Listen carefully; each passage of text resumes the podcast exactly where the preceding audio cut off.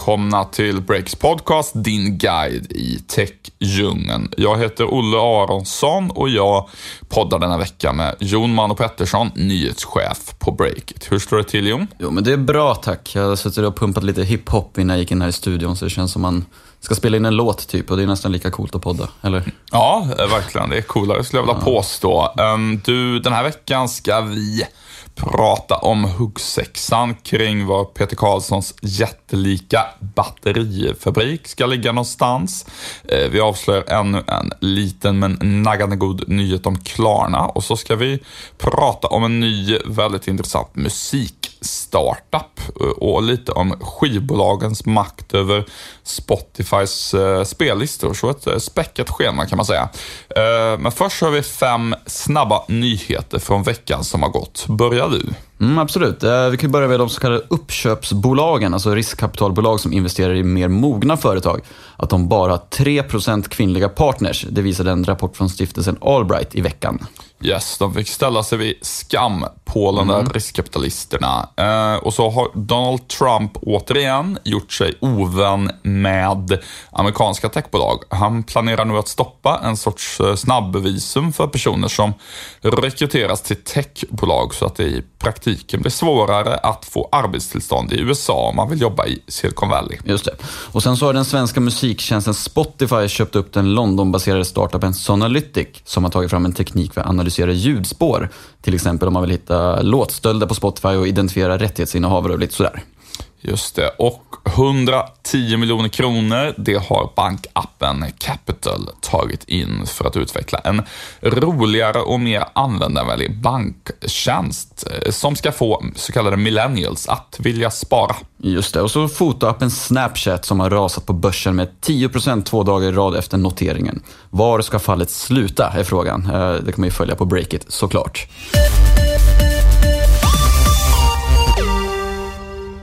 Den här podden sponsras av Alltid.se, tjänsten som är först i Sverige med flatrate på el och som lovar att sänka dina elkostnader.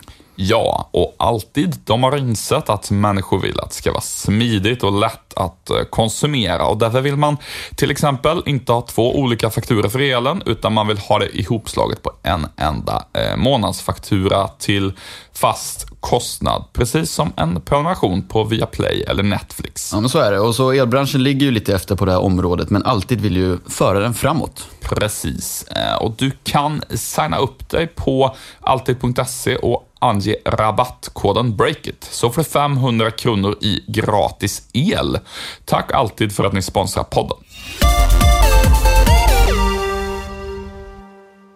Då ska vi, eh, vår vana trogen, komma med en liten rapport i denna podd från den så kallade gråhandeln. Eh, favorituttryck vi har. Eh, gråhandeln med aktier i stora svenska techbolag. Nu är det en post på 200 miljoner kronor i Klarna som har bytt ägare. Exakt, och det är vår grävande reporter Jonas Delange som har nosat reda på att den eh, tyska investeraren Tengelman Ventures har köpt aktier i Klarna för det beloppet. Och säljarna är bland annat General Atlantic och ett stort, eh, som är ett stort amerikanskt riskkapitalbolag. Och Ja, jag, vet inte, jag tänder ju inte supermycket på den här typen av nyheter, men eh, vad kan man dra för växlar över det här? Ja, men precis. Det kan bli lite torrt. Liksom, så De, en, en har sålt till någon annan ja. och vad innebär det? Men eh, jag tycker faktiskt man kan dra lite intressanta växlar på det där. Eh, det är ju så att tidigare i veckan kunde vi berätta att Crandum, det svenska riskkapitalbolaget, mm. hade köpt in sig i eh, Klarna och eh, eh, jag tycker vi kan tillåta oss att prata lite fritt kring det där. Först så kan jag nämna att jag fick eh, ett mail från en lyssnare, en svensk riskkapitalist som påpekade det här att Eh, folk som köper in sig med någon liten post i Klarna nu, eh, som till exempel Northson har ju köpt en del aktier och nu även Crandum och då Tengelman.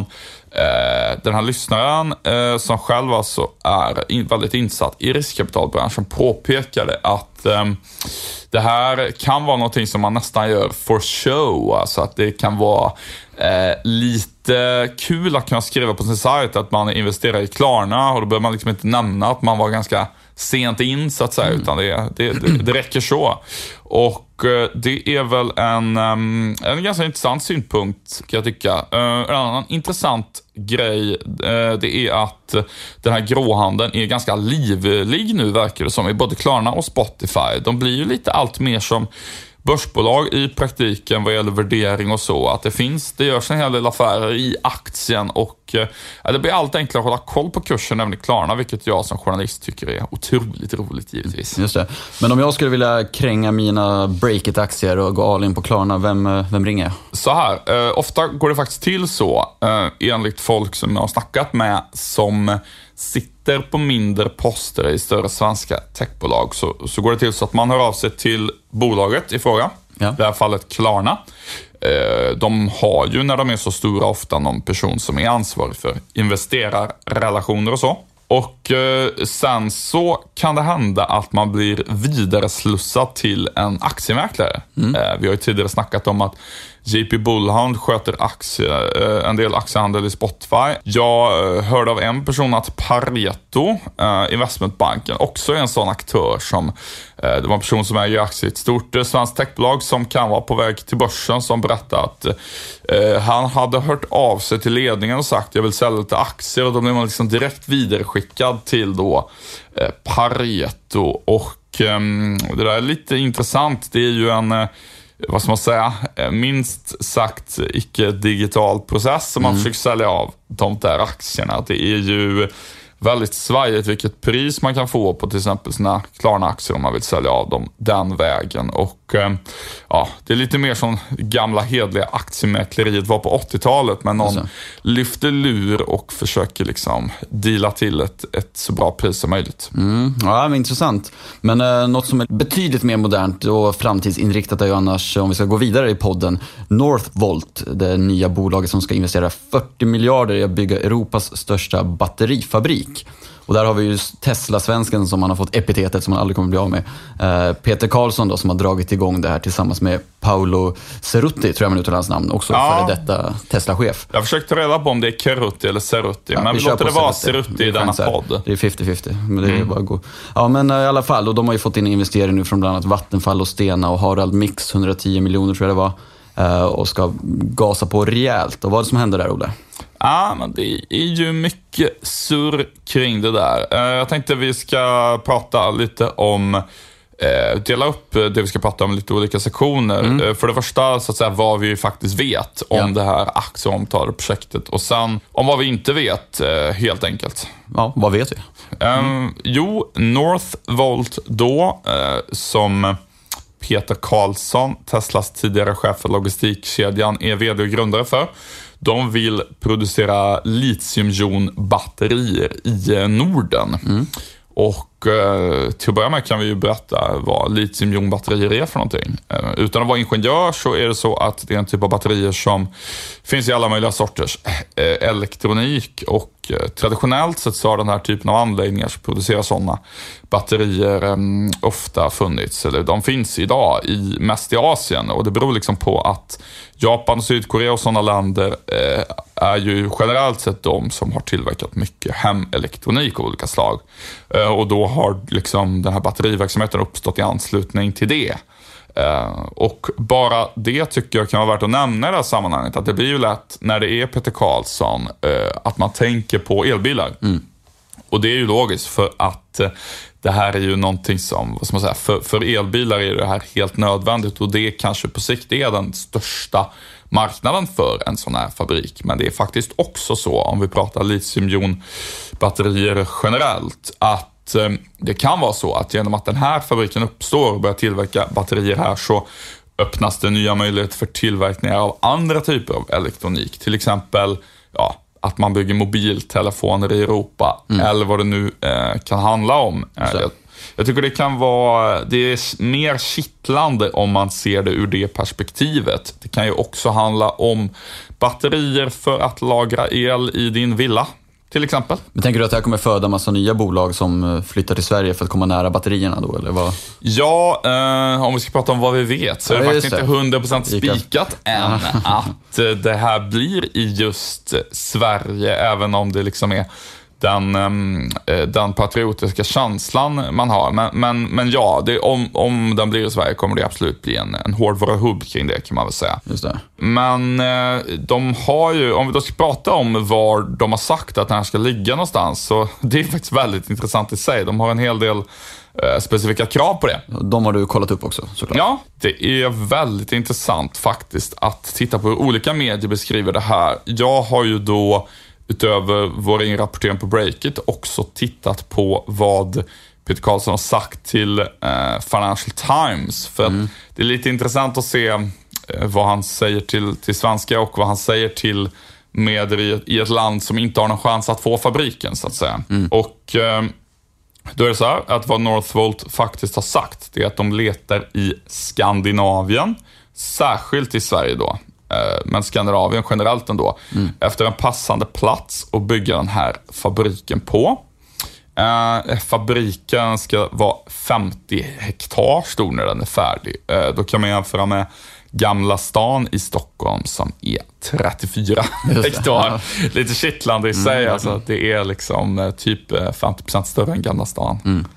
Um, och sen så har de sagt att de vill att det ska vara en plats där det finns lokala rena energikällor som vatten och vind och att det ska finnas bra kommunikationer. Eh, de har också, vilket inte har fått så mycket uppmärksamhet här i Sverige, sagt att de är intresserade av att samarbeta med och eventuellt också geografiskt vara nära gruvor i Finland som utvinner metallen kobolt. Just det. Men uh, det här är ju, det hör man ju, det är ju en stor, gigantisk satsning. Det pratas om 40 miljarder att bygga den här fabriken och väntas ge 3000 jobb minst och sådär. Uh, vad vet vi inte då? Vad, vad, vad, vad, vad kan man spekulera i?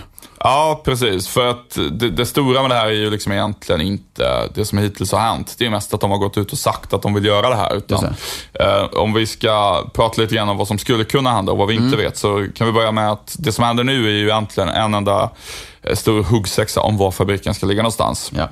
Peter Karlsson har ju kontaktat ett antal kommuner som skulle kunna vara intressanta och eh, eh som journalist är det kul att notera att alla medier kör nu lokalvinklar på det. Eh, vi har ju bara så sent som i förra veckan så var ju min gamla hemstad Trollhättan i ropet. Eh, det rör ju dock eh, en annan fabrik. det, alltså Tesla har ju planer på att bygga en fabrik i Europa också. Mikael, ja. Mikael Damberg har kontaktat eh, Trollhättan rörande det. Eh, men nu, nu när den här Northvolt-nyheten kom så körde bland annat SVT Småland nyheten att eh, de här tusentals jobben kan hamna i Småland. Mm. Um, vilket är intressant uh, i sig, liksom, att det blir hela tiden den här, alla ser det ur sitt eget lokala perspektiv. Mm. Um, men om vi ska tillåta oss att spekulera lite grann så tycker jag att sett till vad Peter Karlsson säger så är det ju Norrbotten som egentligen borde ligga bäst till kan man tycka. Eh, sen, det kan ju vara så att de inte vill ha fabriken där för att de vill, ja, inte, vara i närheten av eh, Arlanda eller Kastrup eller något sånt där. Men med det sagt så... Varför tror du Norrbotten då? Nej, men det de, det de har sagt hittills är ju egentligen att eh, de vill ha rena energikällor och Eh, de vill ha närheten, de är intresserade av finska gruvor och så. Eh, så det, det baserar jag på det helt enkelt. Att det finns väldigt mycket vattenkraft i eh, Norrbotten och det finns en närhet till Finland. Mm. Ungefär så. Ehm, men det kan ju hända att de inte väljer det för att det inte finns tillräckligt många ingenjörer av den typen som de vill kunna attrahera. Men om vi pratar strikt geografiskt så det finns ju så att säga redan en industriell kedja där eh, från, eh, eh, från Finland in i Norrbotten och sen så går ju tågen med järnmalm och så vidare till Narvik i Norge där det skeppas ut i världen. Så det är väl ett tänkbart ställe, men det finns ju förstås andra. Om vi pratar Västsverige, Vattenfall har ju en anläggning i Trollhättan, Göteborg har en stor hamn och så vidare. Så att, ja, det är väl men i, i, Sverige så, så, skulle jag väl säga att det, det ju vara den typen av, eh, av kandidater. Men ehm, eh, det kanske finns liksom, som sagt, de har sagt Skandinavien. Jag vet inte, det vore ja. intressant om den handlade i Norge till slut. Ja, vilken besvikelse. Ja. Eh, men eh, jag tycker man ska inte ta ut så mycket i, i förskott här bara. Mm. Ett exempel är ju att de faktiskt inte har sagt till 100% alltså att anläggningen ska hamna i Sverige. De har liksom inte bundit sig vid det. Nej. Och sen är det lite osäkerhetsmoment ett annat då, finansieringen. Man har fått in 110 miljoner nu från ett gäng tunga investerare. Mm. Men uh, man pratar om 40 miljarder. Det, ja. det finns ju en skillnad. Det finns en väldigt stor skillnad. Ja. Uh, och här tycker jag att man ska titta på det ganska nyktert och mm. vara med på att det kanske inte blir av. Det är ju faktiskt så att 40 eh, miljarder kronor är ju är vad de uppskattar det till nu. Det kan bli både förseningar och fördyringar. Och ehm, eh, oavsett liksom hur eh, mycket liksom patriotisk känsla man får kring det här, att vad häftigt det vore om Sverige fick en så här stor batterifabrik. Så för att uttrycka sig försiktigt så är hela projektet eh, förenat med en lång rad utmaningar kan man säga. Just det. Men eh, coolt om det blir av. Hårdvaruhubb i Sverige. ja, verkligen. Ja. Det kanske slutar med att Ericsson kan damma av sin gamla mobiltelefontillverkning med batterier från Northvolts eh, fabrik. Man vet inte, med tanke på alla handelskrig som nu mm. är på gång i Sverige. Det kanske blir mycket mer närproducerat vad gäller alla möjliga produkter. Även om det förstås vore väldigt eh, tråkigt om, det blev, om världen blev så stängd. Ja. Nej, vi får hålla tummarna för Tesla-svensken Peter Karlsson helt enkelt.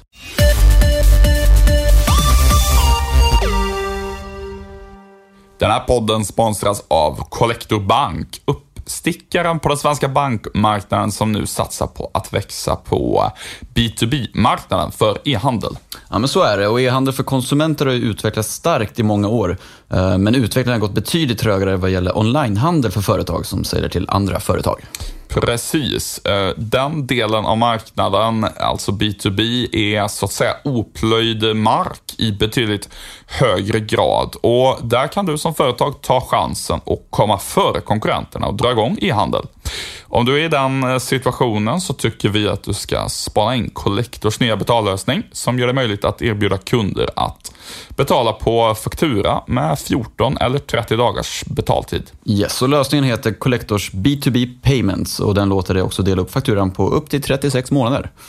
Yes, det kan vara bra om du vill jämna ut kassaflödet lite grann. Eh, testa det om du vill starta e-handel. Tack Collector Bank för att ni sponsrar Breakits podcast. Nu är det dags för dig Jonas att göra ditt återkommande värv i denna podd, nämligen ge oss en update kring vad som händer inom svensk musiktech. Ja, riktigt mäktigt. Vilken lyssning det kommer bli nu. Ja, men jag tror det. Jag, jag själv eh, har ingen aning om vad du ska prata om nu, så det ska bli väldigt kul. Vad, ja. vad ska du snacka om? Nej, men jag tänkte prata lite om en spännande svensk startup som heter Amuse, som idag släppte sin app med samma namn. Känner du till bolaget? Inte överhuvudtaget. Nej, det beror på att vi inte har skrivit om dem än och att de grundades för typ ett år sedan. Eh, men det har startats av ett gäng musikmänniskor som tidigare arbetat på chefspositioner på bolag som Spotify, Universal Music och Warner. Och Det bolaget vill göra är kort och gott att man vill ta upp kampen med de etablerade skivbolagen genom att skapa en app där vem som helst kan ladda upp sin musik direkt på musikstreamingtjänsterna, kan man säga. Finns inte det idag då? Uh, det finns idag, delvis. Uh, exempelvis Universal Music har ju en tjänst som heter SpinUp Uh, Eh, det är ju inte en app tror jag, utan det är via desktop och sådär. Men, uh, men det Amuse gör i vilket fall som helst är att man vill uh, man vill analysera musikens framfart på nätet också. Så det handlar inte bara om själva uppladdningsmomentet utan man vill analysera vad som händer efter man har laddat upp låten och därefter säger man sig enligt sig själva att man kan förutspå vilka artister och vilka låtar som har potential att slå igenom. Ah. Lite så här genom att de har algoritmer, kortfattat, som eh, pekar ut potentiella storstjärnor som man därefter signar. Är du en artist, Olle, så kan du ladda upp en låt och sen om den verkar bra enligt deras algoritmer så kommer de höra av sig till dig och signa dig till sitt skivbolag. Intressant. Eh, jag har ju själv själv eh, faktiskt eh, varit med och lagt upp saker på Spotify mm. ihop med en del band jag spelat i tidigare och så. Och ehm, i varje fall för några år sedan var ju det där en rätt krånglig process faktiskt. Mm. Vilket bland annat har att göra med att Spotify inte hade så jättebra system för att fastställa vem som egentligen äger rättigheterna till musiken. Och då vet jag att man kunde använda sig, då fanns en tjänst som hette EMU Bands till mm. exempel, som man liksom man var tvungen att gå via dem och sen laddade de eh, upp det på Spotify. Då slapp man liksom ha ett eget eh, bolag och sköta mycket av den där liksom, rapporteringen och hanteringen själv. Mm. Men det de vill göra, bara för att förtydliga ännu mer, att eh, ett gammalt skivbolag är så, så kallade A&Rs som sitter och lyssnar igenom gamla band och skivor och det här blir en potentiell hit, säger man mm. ungefär. Här vill man kolla enbart på datan och försöka analysera datan och utifrån det hitta nästa stjärnskott. Vilket är lite spännande tanke åtminstone. Uh, så att uh, egentligen kan man säga att Amuse försöker liksom um, automatisera bort den här klassiska mäktiga skivbolagsgubben som sitter ja, och lyssnar och avgör vem som ska bli Precis. få skivkontrakt. Det ska data avgöra istället. Eh, och eh, det som har hänt nu då, förutom att man lanserar appen, det är att bolagen även har stängt en lite mindre kapitalrunda på 3 miljoner kronor. Eh, där ett gäng änglar har investerat, bland annat Ubicos CFO Mattias Danielsson samt en kille som heter Johan Persson som varit med på Leo Vegas, eh, spelbolaget, och deras resa. Uh, och, och, lite andra investerare. Vi kommer skriva om det på breaket också, så ni kan läsa mer om det. Men jag tycker det här är lite spännande av flera skäl. Uh, inte minst liksom som musikfilosofiskt, just det här med att analysera data och musik. Att liksom, vad kommer hända när man titta på datan, liksom, hur länge lyssnar man på en låt, vilka basgångar är bäst och du vet, kommer det här påverka liksom, hur musik skapas? Verkligen. Uh, tänker själv spontant om det då kommer leda till att massa människor försöker göra growth hacks i den algoritmen och ja, optimera den utifrån det. Um, du, du som har koll på eh, det här området och är, du är ju musikjournalist också utöver att du är nyhetschef på Breakit. Vad, eh, vad ser du för, för utmaningar för den här typen av tjänst? Uh, det finns nog en rad utmaningar skulle jag säga. Uh, för det första återstår det att se hur bra deras algoritmer faktiskt är, om de kan ersätta en så, så kallad A&R-avdelning. Det, är väl, det återstår väl att se, tänker jag. Uh, en annan stor utmaning är att hur artisterna ska lyckas nå ut via för att bara att hamna på Spotify, jag menar, det, bruset är ju extremt stort på Spotify idag. Det finns ju så sjukt mycket musik. Uh, och det räcker ju inte riktigt att bara ladda upp en låt där och tro att man ska bli upptäckt. Det är lite som en nål i en höstack sådär. Så länge kan jag man... själv garantera, det händer inte. Nej, det händer inte. Uh, och det, det, som, det viktiga idag egentligen på Spotify, det är någonstans att komma in på deras stekheta spellistor som blir allt viktigare. Hur gör man för att hamna där då? Du som har deep sources i hjärtat av musikeliten. Ja, exakt. Nej, men det finns lite olika typer av spellistor på Spotify kan man ju börja med att konstatera. Universal Music, skivbolagsjätten, de har sin egen alltså, Digster-spellista som det kallas, medan Sony Music har sina filter-spellistor och de är ju sjukt stora. Eh, men det är skivbolaget som dikterar villkoren där helt och hållet. Och, och, där kan jag tänka mig att det kan vara svårt för Amuse att bara få in en låt. Det är väl möjligt att de, det kan hända säkert, men eh, det är någonstans fortfarande skivbolagen som styr där. Sen har ju Spotify sina egna spellistor som allt fler använder. Vi lyssnar på dem här på kontoret till exempel. Eh, och jag vill minnas att Spotify i somras kommunicerade att man har över en miljard spelningar i veckan via sina egna spellistor. Så det, det vittnar ju om hur, hur stora de faktiskt har blivit. Uh, och hur kommer man in där? Det är ju det är väldigt hemligt kan man säga. Intressant. Ja. Det är hemligt. till att börja med, varför är det hemligt? Ja, det är en jättebra fråga. Jag har ju ställt den frågan till Spotify, vad som krävs för att komma in och jag fick ett väldigt luddigt svar. Eh, jag, skulle, jag borde nästan citera för att det är så luddigt och nästan kul. Men kortfattat så konstaterar de att det är redaktörer och analytiker som plockar upp eh, vad som känns fräscht och relevant för lyssnarna ungefär. Så man fick inte riktigt någon jättetydlig bild av vad det innebär i praktiken. Men eh, så enkelt är det ju inte riktigt att det är bara någon som sitter och lyssnar och väljer de absolut bästa låtarna tror jag. Utan det finns, eh, jag tror det finns skäl till varför man inte är helt transparent på denna punkt. Vadå för skäl? Uh, från flera håll har jag hört att skivbolagen, de här stora jättarna, då, Universal Music och så vidare, att de har ganska stor påverkan på de här spellistorna. Vilket kanske inte är så konstigt egentligen. Skivbolagen är ju delägare i Spotify sedan dag ett i princip. Och de, har ju också, de är ju experter också på vad som är bra musik.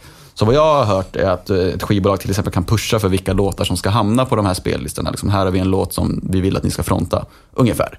Sen exakt hur det går till i praktiken, det vet jag faktiskt inte och det vill inte Spotify heller kommentera, så det får man ju bara spekulera i. Eh, men även det, men just det faktumet talar ju också att det blir ännu svårare för en independent-bolag som Amuse att få in en artist där, just när Spotify eller när skivbolagen så stor makt över, potentiell makt över de här spellistorna helt enkelt.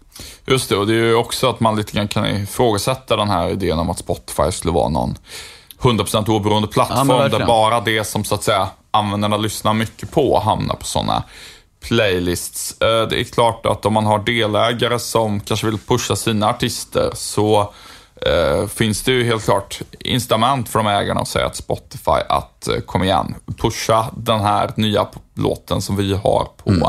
på era playlists helt enkelt. Så att, och, eh, och sen där... kanske historien visar att de här låtarna också tenderar att bli väldigt vällyssnade och sådär. Så det kan ju finnas goda skäl till varför man lyssnar på de här skivbolagen också. Men det, just det där oberoendet över spellistorna som man, jag har nog ändå tänkt kanske lite grann att de här spellistorna, Spotifys egna är oberoende. Det tror jag kanske inte riktigt att de är helt och hållet helt enkelt. Men, men sen kan man ju eh, säga så här också att eh, Spotify är ju liksom ett, ett bolag som är väldigt datadrivet och det, det kan ju vara så att eh, om, även om en, en låt liksom får en plats på en spellista för att Spotify till exempel, eh, om det nu är så, ja. hjälper ett, ett skivbolag med att pusha en viss artist. Mm. Det kan ju vara så att den det ger den chansen så att säga. Men om den levererar väldigt dåligt så, ja, så tar de bort den sen. Så tror jag verkligen att det är. Att det, de måste ju leverera. I branschen pratar man om något som kallas för skip rate, vilket är ett mått för hur snabbt folk skippar vidare till nästa låt. Uh, en del pratar om att de tio första sekunderna, liksom det, här, det där är så viktigt, det är som vår rubrik och ingress i en artikel. Liksom. Det är där Just man ska det. fånga lyssnaren. Och sånt är också lite intressant, att man kanske kan nu med hjälp av data se hur snabbt en person hoppar vidare eller slutar lyssna och sådär. Jag har bland annat hört att skivbolag själva går in och säger till artister ibland liksom, att nu, nu får ni liksom kutta ner i början, du måste gå snabbare på. Liksom, så det blir bättre. Och det är lite intressant, men det är självklart tror jag att Spotify de vill att ge en bra upplevelse till sina lyssnare såklart. Så datadrivet 100%. Man hamnar ju lite grann i det här, eh, det är väl samma tänk som, som Facebook och, och Google på flera sätt. Just det där med att uh, du kan få väldigt mycket ja, trafik eller lyssningar eller vad det nu handlar om genom att vara så att säga organiskt någonting som folk vill läsa väldigt mycket eller mm. lyssna på väldigt mycket. Men sen kan du liksom, du, du kan köpa dig uppåt i kön men ju mindre du förtjänar din, din plats högre upp i sökresultaten eller newsfeeden eller spellistan, ju, ju mer måste du betala. Och det mm. är ju också kanske en potentiell framtida intäktsmodell för Spotify. Att de mm. liksom inför Idag är det ju lite grann som ett Google utan sökannonser. Alltså att ja. du, du, du, bara... Här, här, är en sökruta och sök efter någonting och sen så får vi se vad som kommer upp mm, ungefär. Mm, intressant det, det är inte helt o, omöjligt att de i framtiden kommer att ja, helt enkelt låta folk köpa sökresultat lite mm. högre upp. Och det är väl på gott och ont kanske? Ja, men precis. Det är, det, många artister som har lite pengar att röra sig med skulle säkert tycka att det där var jättepraktiskt. Men mm. som sagt, då, då, då, blir det ju svårare för mindre artister att, eh, att nå ut. Så är det. Så är det. Ja, men det är spännande bolag där, Muse i alla fall. Och det här med spellistor och sånt vittnar om att det kan finnas fördelar med att signa med de gamla skivbolagsdrakarna också. Att de har ju fortfarande lite makt, även om man kanske inte tror det. Uh, så det, nej, men det är spännande och vi kommer ju såklart följa utvecklingen på breakit.se. Yes, uh, jätteintressant uh, spaning tycker jag verkligen. Att uh, jag blir själv lite intresserad här av om Spotify kommer att, uh, vad ska man säga, bli en, en plattform där man i högre grad kan köpa sig uppmärksamhet. Det mm. känns ju som en inte alltid helt ologisk inriktning, i synnerhet eftersom det är lite svårt med sin lönsamhet. Um, jag tänker att vi ska avrunda den här podden, men jag har några såna härliga interna budskap först. Kör. Uh, först så, Breakit söker reporter för fast jobb som journalist. Uh, inte helt vanligt i mediebranschen, men uh, det erbjuder vi nu. gå in på vår sajt och leta upp artikeln på startsidan på breakit.se där vi skriver om det jobbet. Jag läste själv texten och blev sugen på att söka på Breakit men insåg att jag, jag, redan hade ett sådant. Um, men där kan du klicka dig vidare till ansökan. Gör det. Uh, annars så ska vi uh, också tacka Beppo ljudproduktion som klippte det här avsnittet. Det var väl allt för oss den här veckan. Ja, men det var allt. Fint. Ha det gott. Ha det gott. Ta hand om er så hörs vi nästa vecka. Hej då. Hej.